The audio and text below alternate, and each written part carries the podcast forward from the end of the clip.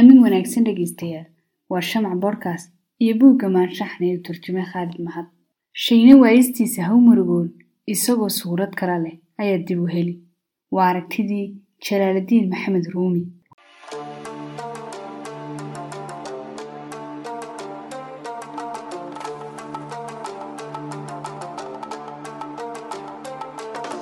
jalaaladiin waxa uu ku dhashay magaalada baakh oo ku taala afghanistaan hase yeeshee markay boqortooyadii mongoliyaanku dalbalaarsiga wadeen ayay qoyskiisu soo guureen dhanka turkiga gaar ahaan anatoliya.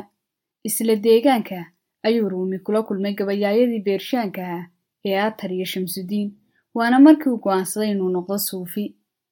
Sidoo kale wuxuu bilaabay inuu qoro kumanyaal beyd oo gabayo carabi iyo beershaanba leh.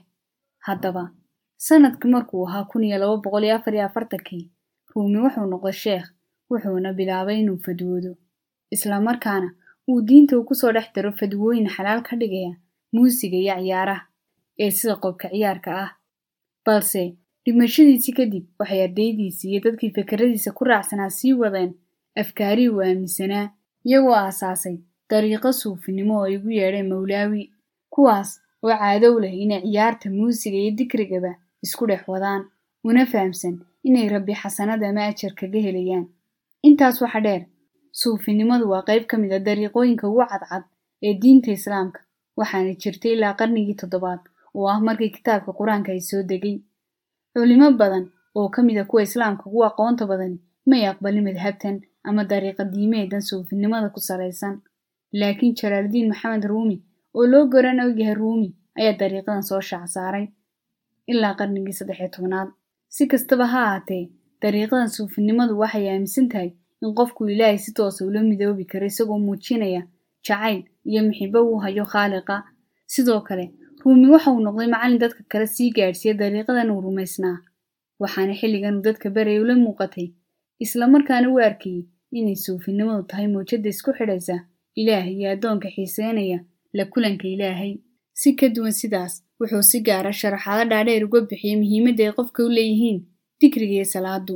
Intaas waxa dheer dhanka falsafadda ayuu si qoto dheer u jibaax wuxuuna taataabtay arrimaha koonka iyo nolosha kuwaas oo ku sheegay in noloshu ay tahay mid waaraysa dunidiina ay ku jirto meertaan dhammaad lahayn. Tusaale ahaan qofku markuu dhinto inuu sii jiray isagoon qof ahayn laakiin wax kaloo noqday ayuu aaminsanaa filosoofku.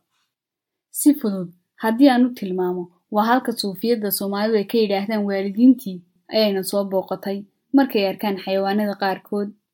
Waxayna jeclaadaan inay xoolo u qalaan oo siyaartaan waalidkood markay astaamahan arkaan. Sidaas awgeed filosoofku wuxuu aad ugu celceliyay inaan laga murugoonin dhimashada sababtana wuxuu ku sheegay in qof kasta oo dhintaa dunida sii joogayo isagoo sifo kale leh oo aan lahayn sifooyinkii markii hore lagu yaqaanay.